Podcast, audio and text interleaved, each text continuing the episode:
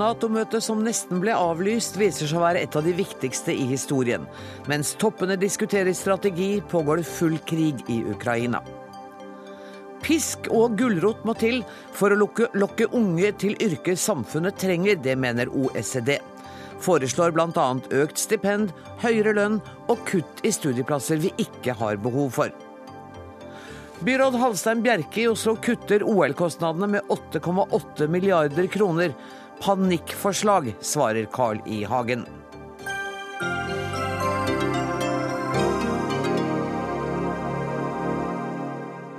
Det er Dagsnytt 18, der vi også spør hvem som ligner mest på Sverigedemokraterna. Er det Frp eller er det SV? Det kommer litt seinere i sendinga, for nå først. Da Nato-toppmøtet i Wales ble planlagt, var det ingen som kunne ane hvor viktig dette møtet skulle bli. Nato-sjef Anders Fogh Rasmussen har nå signalisert at Nato vil vurdere det seriøst hvis Irak ber om hjelp i kampen mot IS. Og europakorrespondent Åse Marit Befring, du følger møtet i Newport i Wales. Hva har Erna Solberg sagt at vi kan bidra med i kampen mot IS? Det Erna Solberg har sagt, er at uh, først så må jo Natos generalsekretær uh, vurdere om dette er noe som Nato skal gå inn i. Og hun vil ikke gi noen signaler om det er riktig av Vesten å bidra militært. Hun mener at det kan uh, gi feil signaler. Hun frykter for at det kan styrke radikale islamister hvis de nå kan si at dette her er en kamp mellom islam og Vesten. slik at hun er veldig usikker på hvordan man vil forholde seg til dette på nåværende stadie. Og det andre store spørsmålet som vi skal snakke mye mer om, gjelder jo Ukraina. Ukrainas president Petro Porosjenko er gjest ved toppmøtet og har hatt møter med flere Nato-ledere, bl.a. Barack Obama og David Cameron. Eh, hva vet du om disse møtene? Hva som har foregått på disse bilaterale møtene, vet vi ikke så mye om. Men det er jo klart at han har jo ønsket å få hjelp. Han har ønsket å få militær bistand, våpen bl.a. Eh, han kommer ikke til å få noen eh, lovnader om det, verken i bilaterale møter eller fra Nato sentralt. Eh, og Erna Solberg skal jo også ha møte med Porosjenko i morgen ettermiddag. Da kommer de til å snakke om Norges bidrag, fordi Norge bidrar med å oppgradere det militære systemet på en måte, ved at tidligere overflødige offiserer nå omskoleres og får nye oppgaver. Og Norge har da bidratt med eh, halvparten av 3,3 millioner til et sånt fond som skal gå til å gjøre hæren mer moderne. Eh, slik at det blir nok viktig i samtalene med Solberg. Hvordan preger situasjonen i Ukraina dette toppmøtet? Ja, Det preger jo dette møtet på alle mulige måter, som du sa i innledningen. Altså, det blir kalt det eh, viktigste møte nå siden murens fall. Og det skyldes jo utelukkende pga. Ukraina-krisen. Så det har på en måte vært en gavepakke NATO, kan, for Nato, om man kan si det sånn. fordi at eh, nå ser man jo at stater eh, har bundet seg til å bruke mer på forsvar. Eh, de har jo aldri fylt Ingen av de europeiske statene har fylt denne 2 %-grensen man har ønsket man skal, at man skal bruke 2% av bruttonasjonalprodukt. Nå vil jo flere og flere av landene kanskje nærme seg den grensen. Og det er jo på en måte takket være Ukraina-krisen, om man kan si det på den måten. Tusen takk skal du ha, Åse Marit Befring. Forsvarsminister Ine Eriksen Søreide. Nå hørte vi altså Åse Marit Befring si at Norge skal bidra med omskoleringsmidler til tidligere offiserer. Kan du si litt mer om det? Ja, Dette er jo et eh, arbeid som eh, Norge har eh, vært i ledelsen på i flere år. Vi har drevet både sikkerhetssektorreform og kapasitetsbyggingstiltak i Ukraina. og Det har vært viktig å gjøre sammen med flere allierte. Vi bidrar både med offisersutveksling, dette programmet for å trene opp overtallige offiserer. Vi har utvikling av kadetter mellom krigsskoler. Og alt dette er jo et bidrag til å gjøre Ukraina i stand til å både ha Eh, et godt forsvar, men også ha god demokratisk kontroll over sine væpna styrker. Så dette har ingenting med den akutte krisen å gjøre, dette er et arbeid som har pågått i lengre tid? Det er det, eh, mm. og nå har da Norge også sagt seg villig til å påta seg ansvaret for dette ene trustfondet som skal eh, bidra med mer penger til dette arbeidet. Og Norge skal sende 150 mann fra Telemark-bataljonen til de baltiske landene på en militærøvelse. Ehm, hva slags oppdrag er det? Ja, Det stemmer bra. Vi eh, ønsker sammen med flere andre land å bidra til de beroligelsestiltakene som er veldig viktige nå overfor østlige allierte. Vi har Telemark bataljon på NATO Response Force-beredskap neste år, og vi trenger å øve og trene. og Derfor så bruker vi den anledningen som er nå, sammen med andre, til å eh, trene i Latvia. Og det er også fordi at Latvia er et land vi har samarbeida med mye i Afghanistan, eh, og der vi kan ha godt treningsutbytte nå. Og Det er jo et av flere tiltak vi bidrar med. Vi seiler i de stående minerydderstyrken. Vi har bidratt med trenings- og spesialstyrker. Og i det hele tatt et ganske godt og velutvikla eh, samarbeid som vi nå bygger videre opp. Jeg skjønner at du kan betegne det som et eh, beroligende tiltak for Latvia, men hensikten er vel kanskje like mye å skremme noen andre? Nato driver ikke med skremming, men det er jo helt åpenbart at Nato som en militærallianse har som en av sine viktigste oppgaver å beskytte alliert territorium. Nå er det ikke noe som tilsier at det skulle være aktuelt i denne sammenhengen nå, men det er heller ingen tvil om at østlige allierte føler veldig sterkt på Russlands voldsomme aggresjon i Ukraina og er bekymra eh, for det som kan komme til å skje hvis det skulle bli en ytterligere aggresjon mot Nato-land. Og Derfor er en av våre oppgaver som en eh, alliert eh, å vise alliansesolidaritet og bistå også østlige land til beroligelse. Forsvarsminister, jeg håper du har tid til å være med oss litt til, for vi har et par gjester i studio som jeg gjerne vil du skal høre på også. Den ene er professor i statsvitenskap, Janne Holla Matlari. Erna Solberg har omtalt Russland som et partner. Det gjorde hun i et intervju med Dagens Næringsliv i går. Er Russland fortsatt Norges partner? For øyeblikket så har vi ikke et uh, partnersamarbeid. Man sier jo samarbeidspartner, og da, det ligger jo i det at man samarbeider i en slags win-win. Nå er vi jo i en konflikt på den måten at vi legger press på Russland med sterke økonomiske sanksjoner. Så vi vil tvinge Russland til å gjøre noe som Russland uh, ikke har lyst til å gjøre. Så det er jo en, det er jo en, en, en annen type forhold enn et partnerskap. Så det er Men, mer enn semantikk? Det er en Ja, altså jeg vet ikke hva man legger akkurat i partner. Vi har jo, vi har jo ønsket å ha et partnerskap med Russland siden 1990, altså vi som Nato. Eh, Nato har jo forsøkt å utvikle dette, det heter det, det Nato-Russian Partnership. Eh, men nå er det jo en krise og en konflikt eh, hvor vi ikke bruker militærmakt offensivt på noe vis, men vi bruker økonomisk makt offensivt mot Russland. Med sanksjonene, som er et pressmiddel. Men vi håper jo at denne situasjonen vil ende i at man får et eh, partnerskap igjen. Det er jo helt klart. Og vi har jo felles interesser med Russland på mange felt hele tiden, f.eks. i terrorbekjempelse. Når du hører forsvarsministeren snakke nå om hvilke tiltak Norge er villig til å gå inn med, hvordan vi bidrar, hvordan vil du karakterisere Natos politikk overfor Russland nå? Natos fremste oppgave er jo å være en forsvarsallianse som beroliger sine medlemmer eh, ved å ha en effektiv avskrekking. Og avskrekking høres skrekkelig ut, ikke sant? skummelt ut. Mm. Det er det engelske ordet 'deterrence', og det betyr å stoppe noen fra å gjøre noe. Så ved å ha denne alliansesolidariteten som må være militært sett reell, at man har substans bak det, øvelser, styrker, eh, store nok forsvarsbudsjetter, så vil man avskrekke eller stoppe enhver som måtte tenke på eh, å manipulere eh, eller krysse grenser eller gå under på en måte radaren og lage trøbbel i f.eks. baltiske land. Sånn at dette er hoved, hovedhensikten med å ha militærmakt, med å ha et forsvar, det er også å si her her stopper du, for ellers så skjer det noe. Mm. Så det er, er? Generelt, ja, altså Nato eh, avskrekker jo hele tiden, hvert sekund som vi sitter her. Eh, altså Det er på en måte derfor man har disse styrkene som vi har hatt i alle år i Nato. Men Natos medlemmer i dag er ofte eh, bruker for lite på forsvar. De har for lite eh, moderne utstyr. De har for mye kapasiteter de ikke har råd til å drifte. Så Natos medlemmer må sanere, samarbeide, integrere og bruke mer på forsvar for å ha et brukbart forsvar. For det er klart du avskrekker ingen hvis du har eh, ubrukelige forsvarskapasiteter. Hvordan står Norge i det bildet her?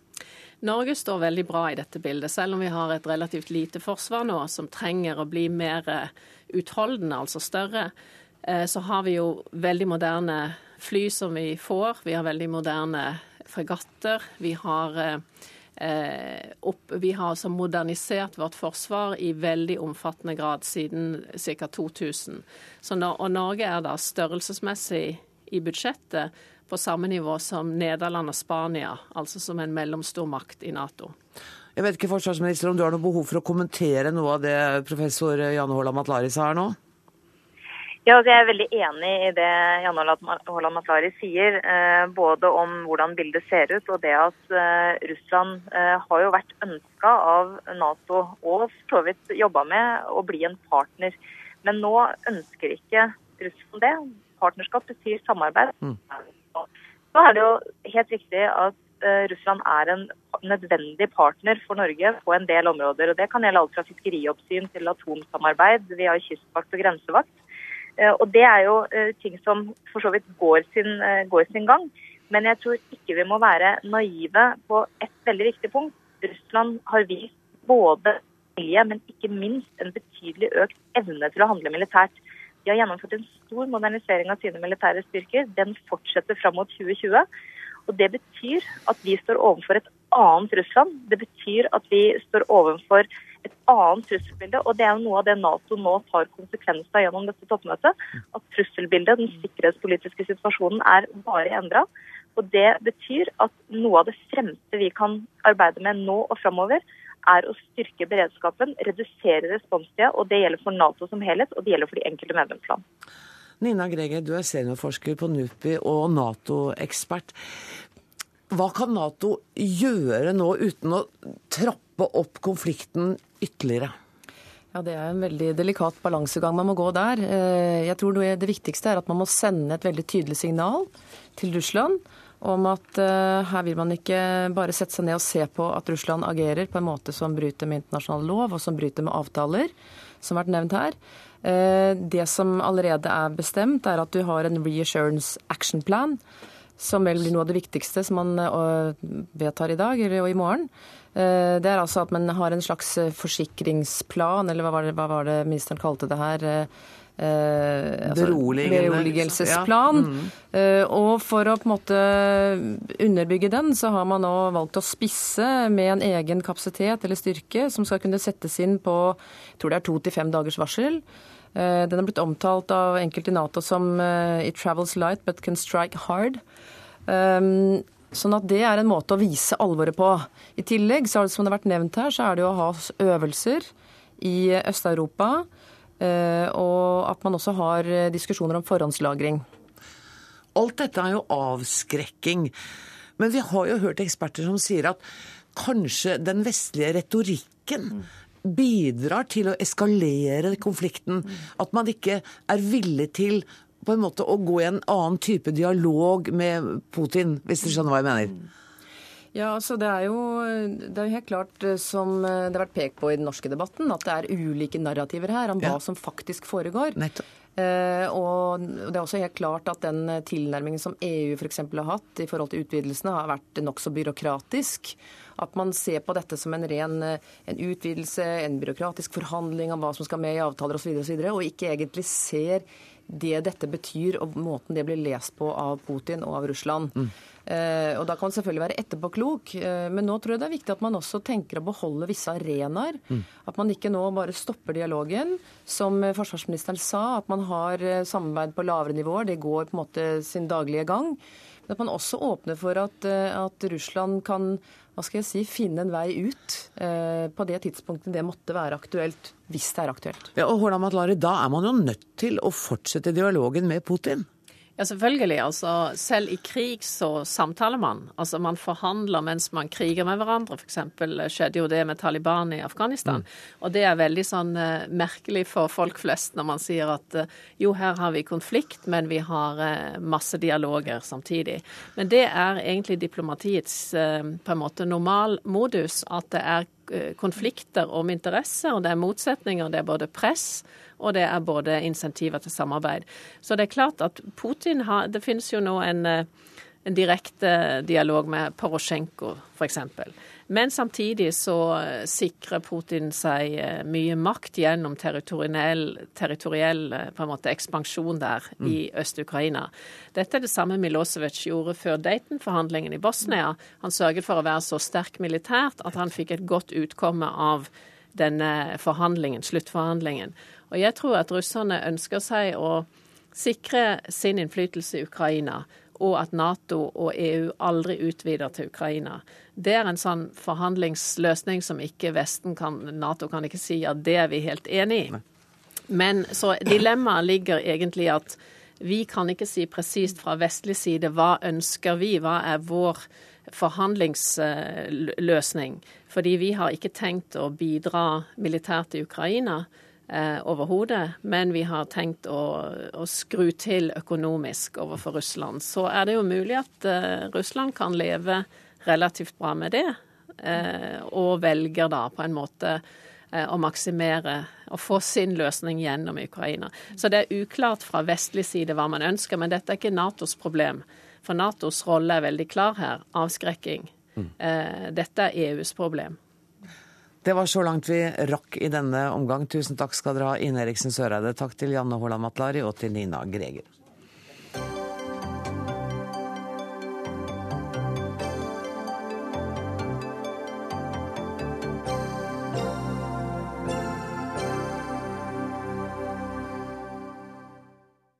Norge må ta grep for å lokke de unge til å ta utdanninger som samfunnet trenger. Det anbefaler OECD i en ny rapport.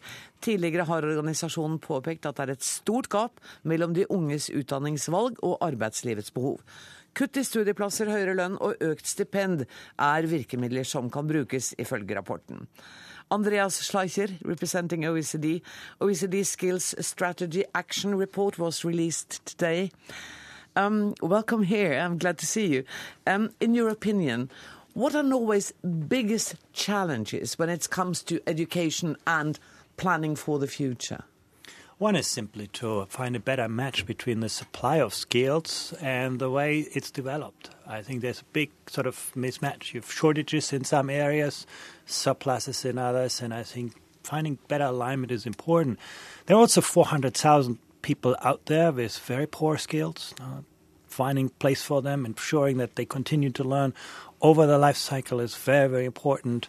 And then finally, making this everybody's business. Mm-hmm. And I think the success of Norway is to create a platform where actually different ministries, societal stakeholders, are talking together about, you know, who should pay for what, mm-hmm. when, and how. And I think those three areas together, I think, uh, are very important.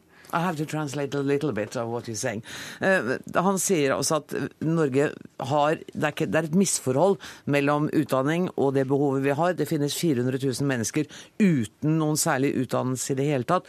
For at vi skal få dette til, så må ulike ministerier jobbe sammen, og vi må gjøre det til everybody's business. Det må angå absolutt alle. So how do we do that? How do we make it everybody's business? Well, I think actually Norway has made a great start. Today, Have we? Oh, good. Today you could see four ministries talking together about this. Uh, okay. Uh, we have over the last year worked with over 60 stakeholders in different places in Norway. And I think the, the, the conversation is there. But turning this into action is still a formidable challenge. You also have to imagine there are many talented people out in Norway who are not using their skills fully, mm. uh, who are on benefit systems and out of the labor market and so on. So it's not easy. It's not a government agenda alone. It's really, when I talk about, it's not just a whole of government approach, it's a whole of society approach that, that you really need. And, you know, skills are infinite. That's the future oil is not. I think uh, for Norway in the long term, it will have to rely a lot more on the talent of its people than today, maybe. Det er eh, kunnskap som er framtida, og ikke olje, og vi må satse mye mer på kunnskapen. In what way does Norway differ from other European countries in this aspect? Well, actually, I think overall Norway is quite well positioned. Education okay. has always been a very important part in Norway's agenda. Still, we like to think so. Yeah, but still, you know, you have other European countries who, in schooling outcomes, for example, have seen a lot more progress than Norway has. Okay. There are countries who cl- create clearer incentive structures for students to study things that are relevant in society, in the economy, whereas in Norway, you know, you let people a lot of choices. Do what they like. So I think there are areas where I think uh, Norway can learn from other European countries, other countries internationally. There's also a lot other countries can learn from Norway in part the kind of Norwegian model of collaboration. I think that's a great thing we can learn from in other places. Thank you so much. We have to continue in Norwegian. I do apologize for that, but uh, that's how it is. Torbjørn Røe Isaksen, kunnskapsminister. Um, hvordan var det å høre disse forslagene i dag? Var det tanker du sjøl har gjort deg i samme baner? Ja, det, er jo, det er jo ikke ukjente problemstillinger, dette her. Det som er vanskelig med det som, altså det som OECD kaller skills, som kanskje på norsk kan oversettes med kompetanse, det er at det dreier seg om så mye. Mm. Dette handler både om hvordan vi skal ha et konkurransedyktig næringsliv, eh, hvordan vi kan investere og få bedriftene til å investere i de ansatte. Mm. Og det handler om 400 000 eh, voksne mennesker som ikke har grunnleggende lese- og skriveferdigheter, f.eks. Mm. Og det handler om hvordan Hvem som skal ta seg av sånne som meg? hvem skal ta seg av deg? Hvem som, eh, hva, slags, hva slags utdanningsvalg unge mennesker tar. Ja. Og da er spørsmålet mitt igjen. Disse forslagene som går på økonomiske insentiver, er det noe du vurderer? Ja, det er noe vi skal vurdere. Eh, og Grunnen til at jeg sier det, er for at jeg synes det er Nå har vi fått en stor rapport fra OECD hvor det, det viktigste de sier, det er at vi må koordinere politikken vår. Det skal vi gjøre. Vi kommer mm. til å legge fram en stortingsmelding også om, om kompetanse. Men Vet du hva, stortingsmelding det, jeg Ja, jeg vet sånn, det. Men det er jo ah. tross alt så er det sånn vi, må, så er det sånn vi styrer landet. Da. Vi kan ikke styre landet med bare gode og festtaler. Men, men, det er, men helt konkret, helt konkret på, på, dette med økonomiske virkemidler og oppmuntringer og sånn, så syns jeg dette er jo ikke dagen for å lukke dører og lukke debatter. Så jeg syns vi skal ta alle, alle, forslagene som OECD har kommet med nå, så skal vi diskutere dem. Fordeler og ulemper. Eh, og belønne studenter for å ta bestemte studieretninger har noen fordeler. En fordel er f.eks. At flere da vil ta de studieretningene, sannsynligvis. Vi gjør jo dette f.eks. For, for å få eh, rekruttere lærere til Finnmark eller lærere til nordlige landsdelene. Ulempene er jo at det er veldig vanskelig å finjustere dette. Så hvis du har et system hvor du gir ekstra stipend f.eks. For, for å ta ingeniørutdanninga, hva gjør du om eh, ti år når du plutselig har mer enn nok som tar ingeniørutdanninga? Kommer du da til å klare å samle et politisk flertall for å fjerne denne gulroten igjen? Det å ta vekk penger som man har gitt til noen i Norge, det er, det er, ikke så lett. Det er ikke så lett. Marianne Aasen, du støtter allikevel dette forslaget om økonomiske insentiver med at man får bedre studiefinansiering, og du tenker vel også at man kan få plikttjeneste etter ferdig utdannelse? Jeg vil i hvert fall si det sånn at jeg er veldig glad debatten kommer. Og jeg har ikke bestemt meg endelig, for jeg ser også ulempene, som Torbjørn Røe Isaksen sier. Men, men du har ikke begynn å trekke deg, for jeg leste en pressemelding fra deg før i dag. Nei, ikke pressemelding, jeg har ikke sett det, men NTB. Jeg latt ja. meg intervjue av NTB. Ja. Og jeg sa veldig tydelig at dette må vi diskutere. Ja. Og en av årsakene til Eller vi har to eksempler, faktisk, allerede. Det var jo sånn Norge fikk lærere for 100 år siden. Da var det jo fattige folk som ikke hadde råd til å betale sin egen utdanning. De fikk den sponsa av staten mot at de hadde pliktår. Eh, på steder som ikke hadde lærere. Og da, Dermed fikk vi spredd utdanning og kunnskap i hele landet. I Forsvaret har vi den ordningen i dag. Mm. Den er ikke kontroversiell der. Og det er jo sånn at Vi trenger jagerflyvere eh, og klarer liksom å håndtere det. Og det serverer da sivile flyvere til samfunnet etterpå.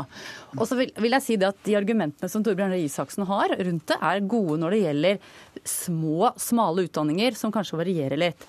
Men vi er helt sikre på i hvert fall to ting eller kanskje også tre. Vi er helt sikre på at vi kommer til å trenge gode lærere i framtida. Og vi har nå stor mangel på de som vil bli lærere fra første til eh, sjuende klasse.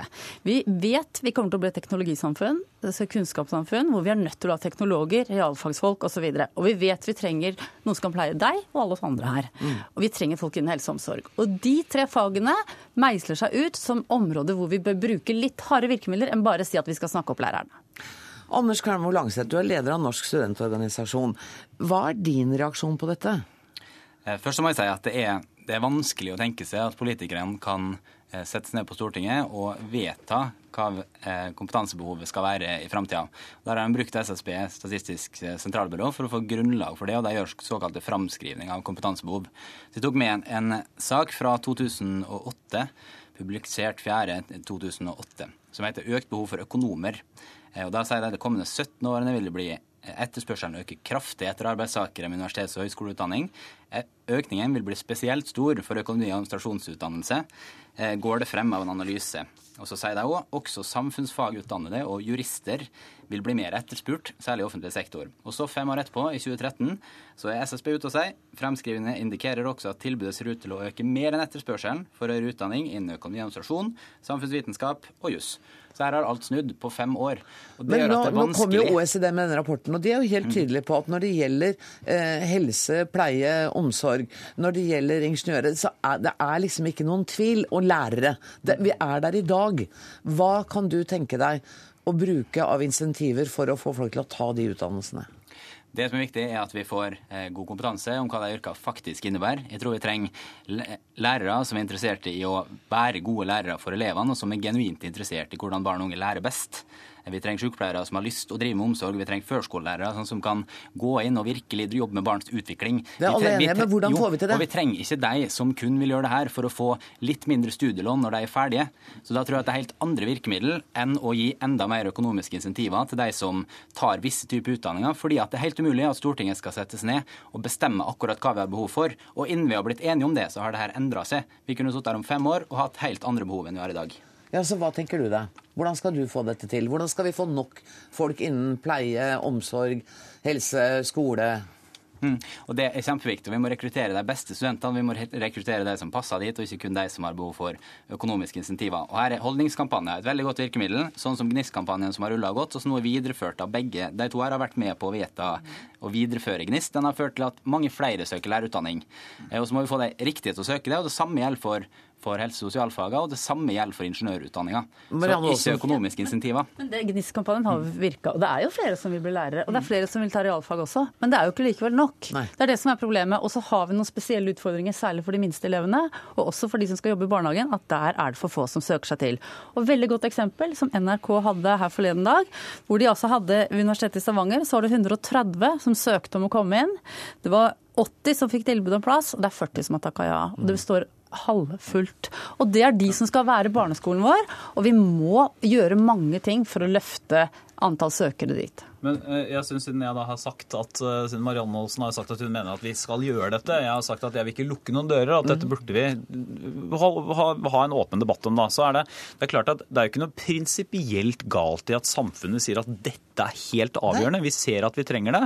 Derfor har vi lyst til å gi en ekstra påskjønnelse for det. Vi gjør det som distriktspolitisk virkemiddel. Vi gjør det i den videregående skolen ved at vi gir ekstrapoeng for fordypning i bestemte fag. Det er helt greit. Jeg tror problemet med en sånn ordning, hvis man skal gjøre det i praksis, det vil være å avgrense det. Mm. Ikke sant? Eh, lærere, hva med barnehagelærere? Mm. Ingeniører, hva med, hva med, folk som tar biologi? Eh, bio, bioforskning er en bransje i kjempevesk, kjempeviktig både for sjømatnæringen og mye annet. Journalister vil jeg noen Journalister tror jeg alle er enige med at vi ikke behøver flere av. så, jeg, så, jeg, tror problemet i praksis vil være å finne en avgrensning, mm. eh, nettopp fordi at behovet og vekstbransjen i Norge vil være så mange. og grunnen til at eh, så er det også verdt å ha med seg at akkurat nå, f.eks. i år, så er det sånn at nå er vi på et punkt hvor eh, vi har nok som søker ingeniørutdannelsen. Det kan fort gå sånn at om et par år så går det ned igjen. Det vi har et dramatisk behov for nå, det er fagarbeidere.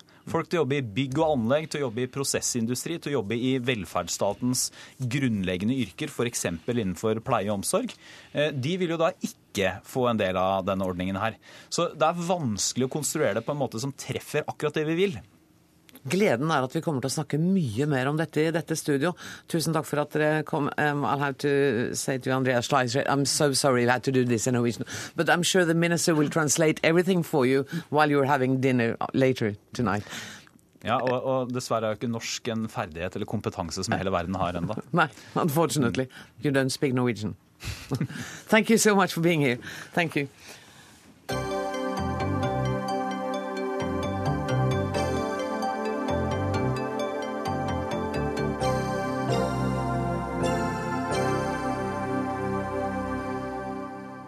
Skøyteløpene kan flyttes til Hamar, mediesenteret kan reduseres med 5000 kvadratmeter, og det kan bygges færre boliger.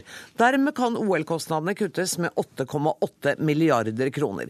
Dette er noe av kuttlista som Oslo 2022 og Norges idrettsforbund har laget på oppdrag fra søkerkomiteen. Idrettspresidenten sier at det er vanskelig å godta forslaget, spesielt å flytte hurtigloop og skøyter til Hamar. Halstein Bjerke, byråd for kultur og næring. Du var med på å legge fram forslaget i dag sammen med byrådet byrådsleder Stian Berger Østland og idrettspresident Børre Rognlien. Og dere var helt tydelige på at dette her var ikke det forslaget dere hadde lyst til å legge fram. Nei, Vi mener jo den opprinnelige søknaden som vi leverte i mars ja. eh, om statsgaranti, eh, var en eh, nøktern søknad. En god søknad som kunne eh, gjennomført et eh, godt OL i Oslo innenfor, eh, innenfor nøkterne rammer. og også gitt varige verdier både for byen, for landet, for ungdommen i Oslo øst. Hvorfor tok dere ikke liksom, tok dere ikke sammen og sto for det, da? Jeg tror at det er klokt noen ganger å lytte på signaler. Eh, vi har fått signaler både fra politikere og ikke minst fra folk flest i den offentlige debatten. Folk har vært bekymra for at omfanget har vært for stort, at kostnadene har vært for høye. Eh, noen har vært bekymra for at vi i for liten grad utfordrer IOCs rigide eh, krav og regler. Eh, så det vi bestemte oss for eh, i forrige uke, var at eh, vi ønsker å ta det på alvor. Mm. Vi ønsker å se om det finnes muligheter for å ta omfanget ned, for å ta de offentlige kostnadene ned, og for å i større grad utfordre IOCs krav, de kravene vi mener er urimelige. Karl I. Hagen, dette ble gjort for å imøtekomme bl.a. deg. Nei, det tror jeg ikke. Det Aldeles ikke. Eh, men det er jo litt panikkartet. For jeg er veldig glad for at den opprinnelige søknaden, som ga oss noen varige verdier, er den som gjelder fortsatt. Men at man har påpekt, jeg går ut fra det er fra noen i Høyre stortingsgruppe eller regjeringen, at man har gitt noen signaler. Eh, men jeg tror ikke det kommer til å hjelpe.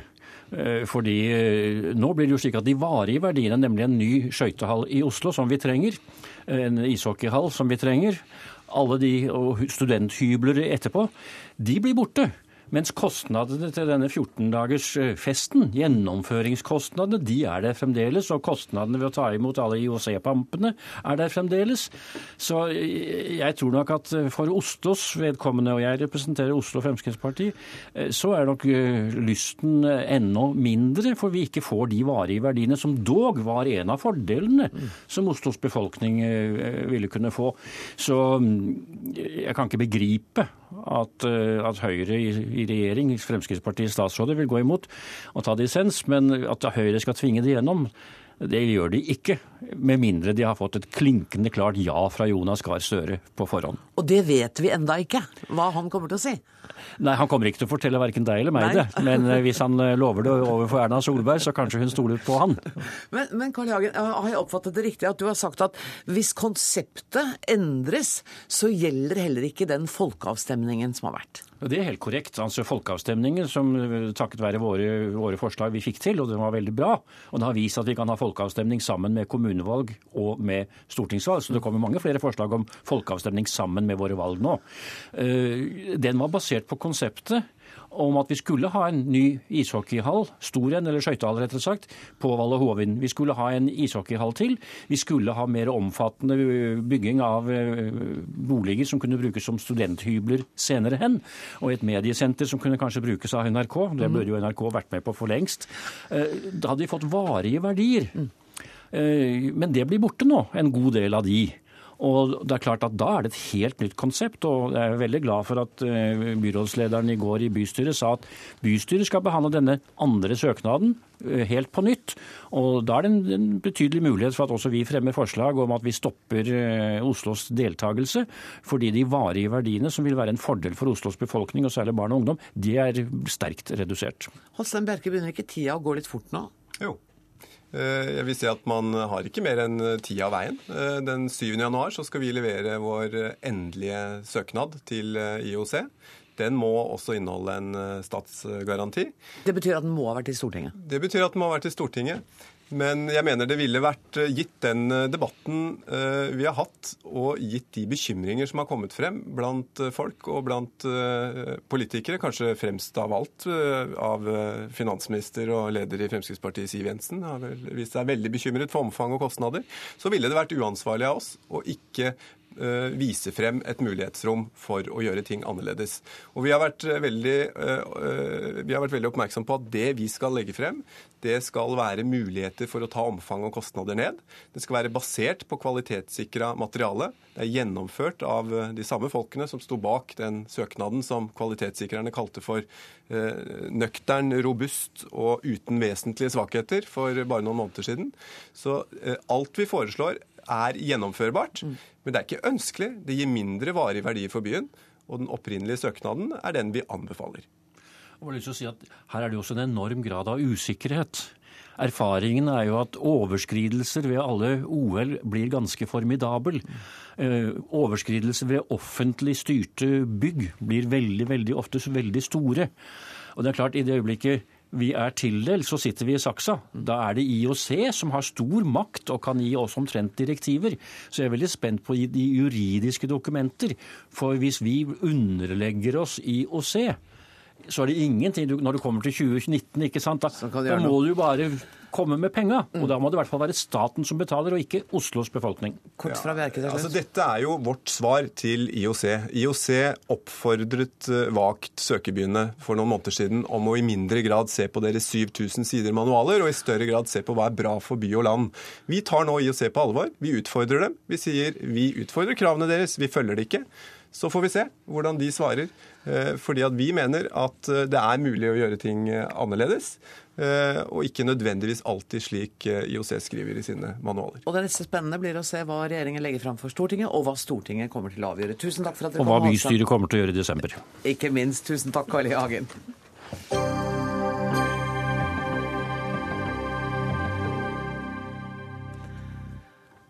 Religion er ikke svaret for å løse enhver konflikt. Det skriver Katarina Jacobsen i en kronikk i Aftenposten i dag. Hun hevder mange aviser er for opptatt av religionens betydning og bruker for mye plass på det framfor politisk analyse. Aftenposten er norgesmester i Koranen, hijab, imam, og er den papiravisen som skriver desidert mest om religiøse emner, skriver du altså, Katarina Jacobsen, tidligere journalist i VG blant annet. Hva er hovedanliggendet ditt når du har gjort denne researchen over fem år på disse religiøse begrepene? Jeg har ikke gjort research i løpet av fem år, men jeg har uh, sittet uh, Jeg leser jo vanligvis Aftenposten med stor glede, det gjør jeg hver eneste dag. Uh, det er Norges største avis, og den er veldig god som regel. Men i den siste tiden så har jeg sittet med stigende følelse av å bli trykket ned av religiøs overload. Det er rett og slett for mye om religion i Aftenposten, og spesielt om islam. Og for å finne ut om den følelsen jeg da hadde, eh, faktisk eh, stemte med virkeligheten, så gikk jeg og sjekket eh, noen Dette er selvfølgelig ganske uvitenskapelig, men i hvert fall noen sentrale begreper via retriever. Og da fant jeg ut at det stemmer det, at Aftenposten har skrevet mye mer om det eh, de siste fem årene, for jeg bare valgte det som et utgangspunkt, enn andre aviser. Eh, og derfor satte jeg meg ned og tenkte at dette er det kanskje verdt å se litt nærmere på. Men er ikke det en naturlig konsekvens av at vi er et flerkulturelt samfunn? At det skrives mer om islam og Koranen og begreper som vi ikke kjente for 20 år siden? Jo, eh, dette er jo en debatt som er over store deler av Europa. Eh, og det er klart at eh, dette handler i første omgang om omfanget av det man Altså at det er, er, det er så veldig mye av det. Eh, og så er det jo sånn at eh, Norge er jo nå faktisk et sekulært, eh, mye mer sekulært samfunn enn det vi var før. og så handler det også om måten vi, vi går inn i, særlig når det gjelder islam, hvordan man behandler det. Det er klart at Hvis man skal eh, diskutere politiske problemstillinger, så snakker man to forskjellige språk hvis man snakker om som religiøs eller med et religiøst utgangspunkt, eller hvis man snakker om politikk. Og jeg opplever at Aftenposten, eh, dels pga. at de har skrevet så mye om det, men også dels pga. måten de skriver om det på, eh, spiller en litt spesiell rolle i den norske medievirkeligheten. Håkon Bore, nyhetsredaktør i Aftenposten. Hvordan reagerer du på det du hører?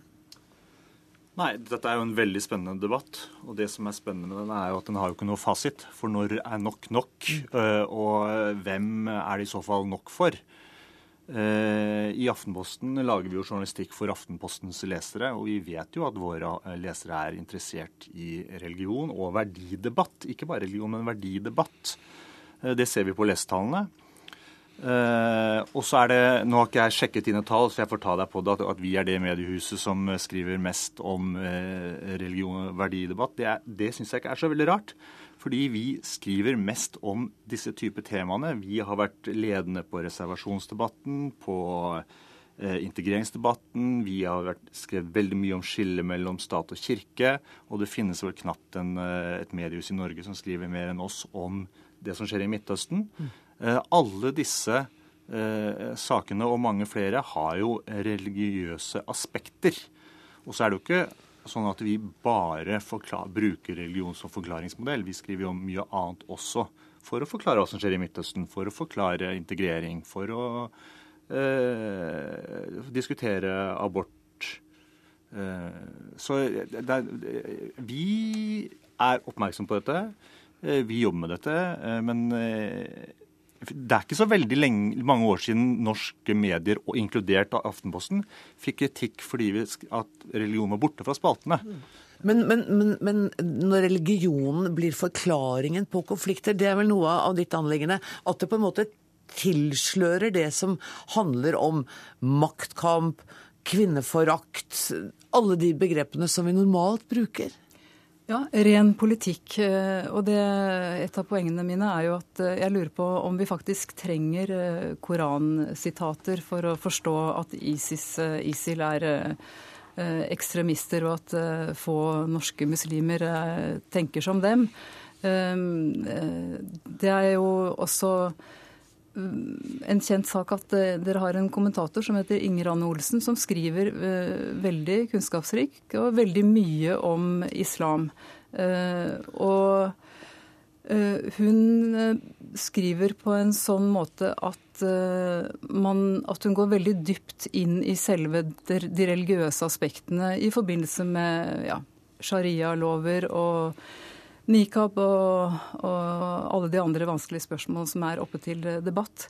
Men jeg er opptatt av at hvis man skal eh, prøve å bygge ned fronter, så er det også viktig at man eh, klarer å se forbi eh, det religiøse.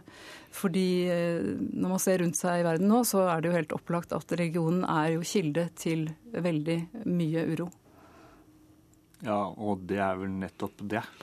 Eh, religion er kilde til mye uro og til mye debatt. Ikke bare religion. Jeg er veldig opptatt av at det er verdi og religion. Det er verdidebatter og religion. Og jeg er jo helt enig i at hvis det hadde vært som Jacobsen sier, hun skriver jo hvis religionen alltid blir fremhevet som det viktigste og brukt som eneste forklaringsmodell, mm. så er det et problem. Men det gjør vi da heller ikke. Vi skriver jo om fattigdom, vi skriver om analfabetisme, vi skriver om maktvakuum i Irak, vi skriver om USAs mislykkede Midtøsten-politikk. Eh, men religion er jo ikke uviktig, det er særdeles viktig. og Derfor mener jeg at eh, vi må forklare. Og er, jeg tror ikke det er sånn i den norske befolkningen at det er for mye kunnskap om religion.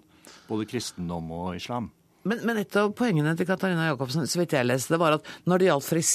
reservasjonsretten, så var det lite bibelsitater og lite religiøst. Da var det ren politikk. Mens når det handler om andre typer konflikter, hvor Koranen blir brukt til å på en måte dekke over konflikten men Det er jo fordi eh, Koranen og religion blir brukt aktivt av partene i konflikten. Da er det ikke da journalistens oppgave å gå gjennom, se bak og si jo, det er journalistenes oppgave å gjøre begge deler. Det er jo nettopp å forklare hvordan religion eh, blir brukt, eller man får si misbrukt, da, mm. i, eh, i, det, i, det, i, et politisk spill.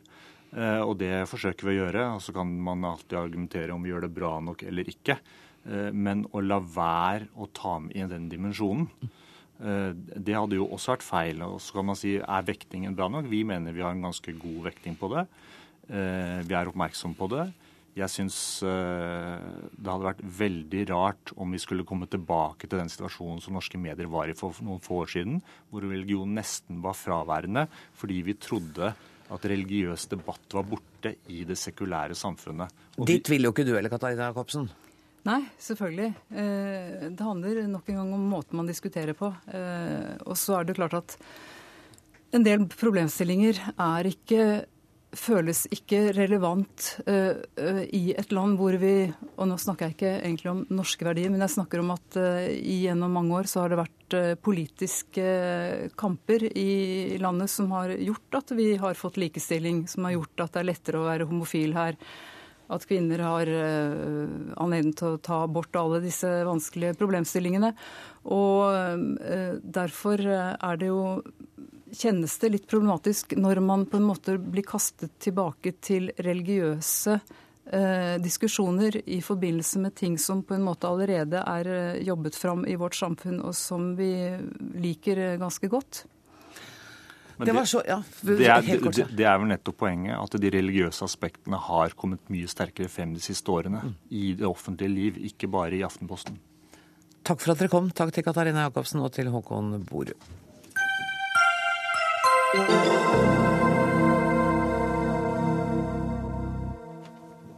Flere på venstresiden her hjemme har klistret Fremskrittspartiet til det innvandringsfiendtlige partiet Sverigedemokraterna.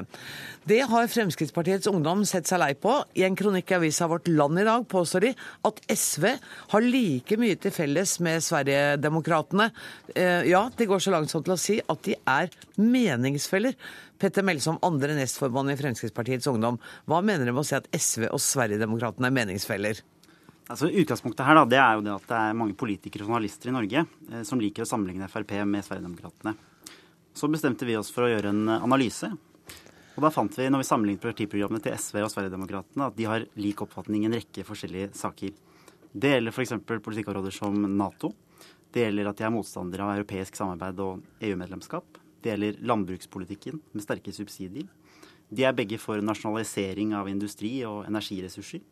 Og de er motstandere av private skoler og vil ha en økt rolle for staten i samfunnet på bekostning av vanlige menneskers rett til å bestemme over eget liv. Og I alle disse sakene så er Fremskrittspartiet av en annen oppfatning. For oss i Frp så er Sverigedemokraterna et parti som vi har, føler at vi har lite til felles med, og som vi ikke ønsker å bli sammenlignet med. Ja, Hvorfor ikke det? For det Sverigedemokraternes riksdagsmedlem Mathias Karlsson har sagt at sitat, til tross for forskjellene står Sverigedemokraterna og Frp nærmere hverandre enn noen av de andre partiene i sine respektive land. Så de vil jo gjerne være venner og leke med dere, men dere vil ikke ha noe med dem å gjøre. Så Det handler om at Sverigedemokraterna, hvor de kommer fra, de kommer fra den rasistiske, nazistiske bevegelsen i Sverige. Men jeg har jo egentlig ikke lyst til å gjøre det til en diskusjon om svensk innvandringspolitikk eller lignende. Nei, men Mener du da at SV kommer fra samme kant, siden du sier at de er mer lik Sverigedemokraterna enn dere er? Jeg mener at Hvis man sammenligner partiprogrammene, så er det mulig å se mange likheter mellom eh, SV og Sverigedemokraterna. Og jeg mener at når folk sammenligner Fremskrittspartiet og Sverigedemokraterna, så er det få likheter. Adam Reiremo, andre nestleder i Sosialistisk eh, Ungdom. Hvordan reagerte du da du så likhetspunktene mellom dere og Sverigedemokraterna? Jeg tok det med en god klype salt. Eh, men for å ta først de likhetspunktene som blir dratt opp, da. Eh, Nato. Sverige er jo ikke medlem av Nato, og det er ingen politiske partier i Sverige som vil melde seg inn i Nato. Eh, at vi vil nasjonalisere industri, stemmer jo ikke. Og så er det jo sant at vi er enige med Sverigedemokraterna på noen sentrale punkter, som alle partier er. Eh, ta landbrukspolitikken. Vi vil, eh, altså vi vil fortsatt ha eh, tollbarrierer på ost, f.eks. Eh, det er det så å si bare Frp som ikke vil i Norge. Men hvorfor er denne kampen om å klistre Dere har gjort hva dere kan for å klistre Frp til Sverigedemokraterna. Hvorfor denne kampen? Hvorfor ikke holde dette til en debatt om norske forhold og norske partier? Nå, nå har jeg starta det her med en Twitter-melding for omtrent et år siden. av Heikki Holmås, så jeg er kanskje den første til å si at det er store forskjeller mellom Sverigedemokraterna og Frp. Men hvis du ser på hovedtrekkene til partiene, som har vokst fram parallelt med hovedsak, eh, og det er eh, motstand mot innvandring. Så er det jo det en ganske sentral likhet mellom Sverigedemokraterna og Frp. Mm. Og da mener jeg at det må være ja, at det plutselig ikke skal være politisk korrekt å sammenligne de to, det blir å sette litt på spissen. Eh, jeg har lyst til å svare på det, fordi eh, det er helt feil at Fremskrittspartiet og Sverigedemokraterna har samme bakgrunn. Eh, Fremskrittspartiet kommer fra en bevegelse som ønsket sterk nedsettelse av skatter og offentlige inngrep. Men hvis man skal ta innvandringspolitikk, så er det sånn at i Storbritannia så er, er, vil statsminister David Cameron og det konservative partiet redusere innvandringen til landet. I Tyskland så har forbundskansler Angela Merkel påpekt en rekke utfordringer med integrering i Tyskland. Jeg har ikke sett at SV har forsøkt å sette verken David Cameron eller Angela Merkel i bås med Sverigedemokraterna. Men Sverigedemokraterna går vel ganske mye lenger enn både Cameron og Merkel? Jeg mener at de tingene som David Cameron sier om innvandringspolitikk, er forenlige med de tingene som Fremskrittspartiet sier om innvandringspolitikk. Men, ikke, men, det er ikke det samme som Sverigedemokraterna sier? Ja, det, det, som er det sentrale er at Sverigedemokraternes innvandringspolitikk har en helt annen bakgrunn. Det kommer fra den rasistiske, nynazistiske bevegelsen i Sverige. Det gjør det definitivt, og det er en stor uh, forskjell. Men jeg, grunnen til at jeg mener at det kan være mulig å sammenligne Fremskrittspartiet med Sverigedemokraterna, er jo en del av de løse utspillene og kanonene som jeg opplever at Frp har på dekk. Eh, og når det nå skrives i kronikker at Norge rives i stykker av flerkultur, eh, at Arbeiderpartiet er quislinger, så er jo det selvfølgelig ikke noe som Fremskrittspartiet står for, men det er en del utspill, som vi også ser den siste tida, som partiledelsen ofte ikke går ut og unnskylder eh, engang. Og det er den type retorikk som nok Sverigedemokraterna er mer bygd opp rundt. Men som vi også ser noen deler av uh, i Frp. Mm. Og det var i hvert fall en, et, et morsomt stunt dere gjorde med å sammenligne SV og Frp, men, nei, SV og, og Sverigedemokraterna. Men dere er vel enige om sånn til sjuende og sist at det er ikke så mange likheter? Jo, vi mener og dere mener det, ja? Vi mener det. Vi står ja. for det. Men vet du hva, da, kan, Dere må fortsette å snakke om dette her når dere kommer utenfor. Og så må jeg si tusen takk for at dere kom, Petter Melsom og Adam Reire. Tusen takk.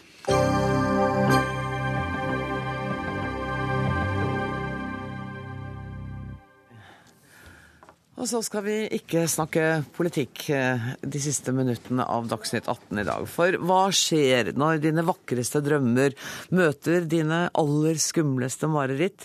Og hva er egentlig en drøm? Dette er noen av spørsmålene du helt sikkert ikke får svar på når Nationaltheatret nå setter opp August Strindbergs Et drømmespill. Mariann Hole, velkommen. Um, du spiller hovedpersonen Agnes, som er datter datteren til guden, og hun skal komme til jorda for å se hvordan vi menneskene lever. Ja. Hvem er Agnes? Agnes er et menneske som i vår forestilling har kronisk angst, vil jeg si. Uh, vi har på en måte gått litt bort fra det gudeperspektivet ved Strindbergs stykke. Det er jeg glad for, for det syns jeg gjorde det vanskelig. Ja, og det er litt sånn gammeldags og litt kvinnefiendtlig også, så yes. vi har tatt bort en del av de tingene. Og så, så Agnes eh, Vi vet ikke helt om det er Gud som sender henne til jorden, eller om det er hennes egen eh, stemme som sender henne til jorden for å finne ut av hvorfor menneskene lider. Mm. Og det er jo på en måte jeg som er drømmeren i, i, i, dette drømspillet. Så jeg møter masse karakterer der nede på jorden som eh, er en del av mitt drømmeunivers, og så blir jeg en del av deres drømmeunivers. Jan Sele, du spiller Alfred, offiseren. Offiseren, ja. ja. Hva slags rolle er det? Eh, jeg leter vel litt enda, men, men, altså Det som er forskjellen på utfordringene våre, da, det er jo Hun er, spiller jo som sagt av hovedrollen, altså den som drømmer.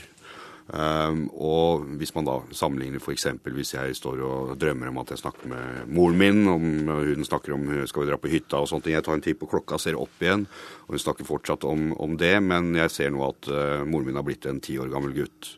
Ja. Det er en drøm. Og da er vår oppgave å spille den personen som da skifter form, uh, mens hun spiller da den som drømmer dette her. Så det er en ganske annerledes utfordring, da. Uh, og jeg spiller da en offiser som er en tiåring. Uh, han er en gammel mann. han er en ung, forelsket fyr. og han hopper fra å være en ung, forelsket fyr til en gammel mann i løpet av noen sekunder. Og utfordringen din er jo da at jeg som publikum skal være med på den leken eller det, ja. den forandringen hele tida. Ja. ja. Jeg kan bare ønske deg lykke til. ja, altså du kan jo si altså hvis man, hvis man godtar uh, drømmens form, da, ja. så, og, og, og, går til stykket med de premissene, mm. så, så, så, tror jeg at uh, egentlig ikke man vil få noen problemer. Alt er jo mulig i en drøm. Det er det som er fordelen med å å lage et drømmespill. Men dere krever jo litt av meg som publikum. og Jeg må gå i teatret helt åpen på en måte, og litt hudløs. For i, i, omtalen så skriver jo teatret selv at publikum inviteres med på en reise som ikke bare er behagelig. Ja. Og drømmer er jo ikke alltid behagelige. Det er jo på en måte veldig mye skildring av et mareritt. Mm. Uh, og jeg tror at det er en ganske sånn stor uh, visuell opplevelse å se forestillingen. Vi har jo ikke hatt premiere ennå, så vi får vente og se hva folk syns, da. Men uh, det er et veldig tøft scenerom. Med veldig flott scenografi og veldig mye lyd og musikk. Og man kan få litt sånn kan nok få litt sånn panikk av og til, eh, for det er veldig sånn storslagent. Har dere, fått, uh, har dere kjent på den panikken lite grann? Bitte lite grann? Jeg hadde vel kanskje litt sånn uh, panikk i går. Uh, bare bli dratt i så mye, så til slutt ja, så bare si, Og det er fysisk? Ja. Fysisk rått i. Ja, ja, ja du, hun opplever jo ganske mye voldsomme greier, da. Vi, vi, gjør ikke det. Eller jeg Du gjør jo det. Ja. ja, eller kanskje. Jo. Men dere, la, oss, la oss snakke litt om regissøren eh, Calixto Beito. Altså, Hvordan er det å jobbe med en fyr som eh, ikke snakker norsk, eh, snakker litt skrantent engelsk? Eh, går det greit, eller? Det går, det går helt fint. Ja.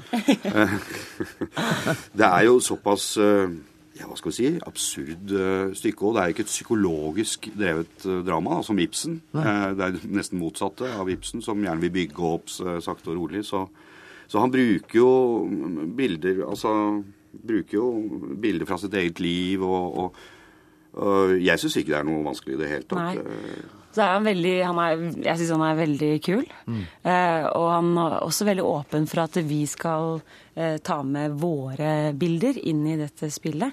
Så jeg syns at han kommer og presenterer et, et, et, univers, og så sier han her har du det.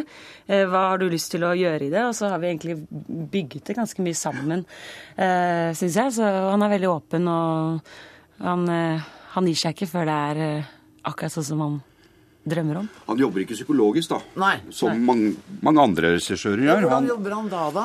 Nei, altså Det er jo også pga. stykkets form. Ja. At, at, det er ingen som Det forklares aldri hvorfor jeg plutselig blir en gammel mann. Nei. I stykket heller. I originalstykket. Vi har jo kuttet stykket ganske kraftig. Uh, så, så, du må på en måte bare OK, han sier Gi meg instruksjon. Uh, akkurat der, når du sier det, så får du et sammenbrudd, og du begynner å grine. Og det må jeg da hoppe i. Mm. Jeg måtte svelge ti ganger før jeg gjorde det. Men, det er jo men du gjør det? Altså, ja, altså, jeg syns det, det, er veldig gøy å ha så mange forskjellige regissører å ja. jobbe med. Altså, man, nå er det utfordringen. Bare, det, er, så det er jo en, det er en veldig konsentrasjonsjobb, rett og slett. Du må fokusere veldig da, og tenke på noe som er som er fælt? Ja, f.eks. barna dine i en eller annen Å, Gud. Jo, men man må jo, man må jo ja, ja, rett og slett. Og det er, så det er, det er, en veldig sånn fokusarbeid, altså. Mm. Det, det, her. Mer, kanskje mer enn noe annet. Og, og hente fram ting av seg sjøl, det er det som gjør at man tenker at jeg, skal, jeg er glad aldri ble skuespiller. For det der å drive og hente fram sine egne erfaringer hele tida, det er jo så slitsomt. Nei, men det er jo så deilig òg. Det er det. Ja. Jeg må ærlig innrømme at jeg syns jeg er skikkelig heldig som har den jobben. Jeg kan bare ta alt ut på jobb og komme hjem og være helt sånn blid og fornøyd. og helt harmonisk? Ja, ja. Men, eh, men, det, men, det, er jo men det er veldig deilig å bare Nei, da er jeg sånn grine meg tom i dag, og da trenger jeg ikke å grine noe mer. Ehm, hvordan ligger dere an sånn tidsmessig i forhold til premiere, bare for å gni det litt inn? Jeg tror, jeg tror vi ligger ganske godt an. Altså. Ja. Det er Ibsenfestivalen nå på Nationaltheatret som begynner på lørdag, så vi er faktisk egentlig skvisa ut av scenen fram til mandag. Så vi har litt sånn derre Og dere har ikke prøver? Nei, vi har, vi har, ikke noen prøver nå. Så det er litt rart. Det er litt uvant. Men uh, derfor så ligger vi ganske bra i, i tid, tror jeg. Vi har liksom forestillingen. Ja. Vi må bare justere den litt. For vi hadde publikum i går, og da ble det litt sånn Det ble kanskje litt uh, voldsomt av og til. Og jeg gjorde det? Var det Merka dere det på publikum? Altså, hver, Første gang man møter publikum, nesten alltid, er at man trykker litt ekstra på eh, som skuespiller. Eh, fordi man er usikker. Man, det, er, det, er, et eller annet merkelig når publikum kommer i det rommet. Ja. Så, så, så, plutselig så, ja, så blir det en helt annen kjemi. Altså. Det, er jo der, det, er det som er gøy med teater. da. Det er Publikum er jo halve opplevelsen. Mm. Eh, i hvert fall den forestillingen der, for vi henvender oss utrolig mye til de i salen. Så det krever liksom at man ser at det er noen der. Så vi har egentlig bare ja. spilt med sånne røde seter nå i ukevis. Og Så deilig at det var noen ansikter der. Ja, det var deilig. Og at de pusta og sånn. Det er jo fantastisk å kjenne at det er, ja, at det er folk som ser på. Denne sendinga går mot slutten, men du Mariann Hole, altså, du har denne replikken som er nesten en klisjé, da? Mm. Det er synd på menneskene. Er det det? Ja, det vil jeg vel si. Sånn. Det er jo ikke så lett å være menneske. Det er jo så mye man skal gjennom, og så dør man jo så fort. Og på den lykkelige tonen der så sier jeg tusen takk for at dere kom. Takk til Mariann Hole, takk til Jan Selin. Jeg skal bare fortelle at det er Bjørn Atle Illestad som har vært ansvarlig for denne sendinga. Det tekniske ansvaret har Finn Lie, og jeg heter Anne Grosvold og skal tenke litt på at det er synd på menneskene.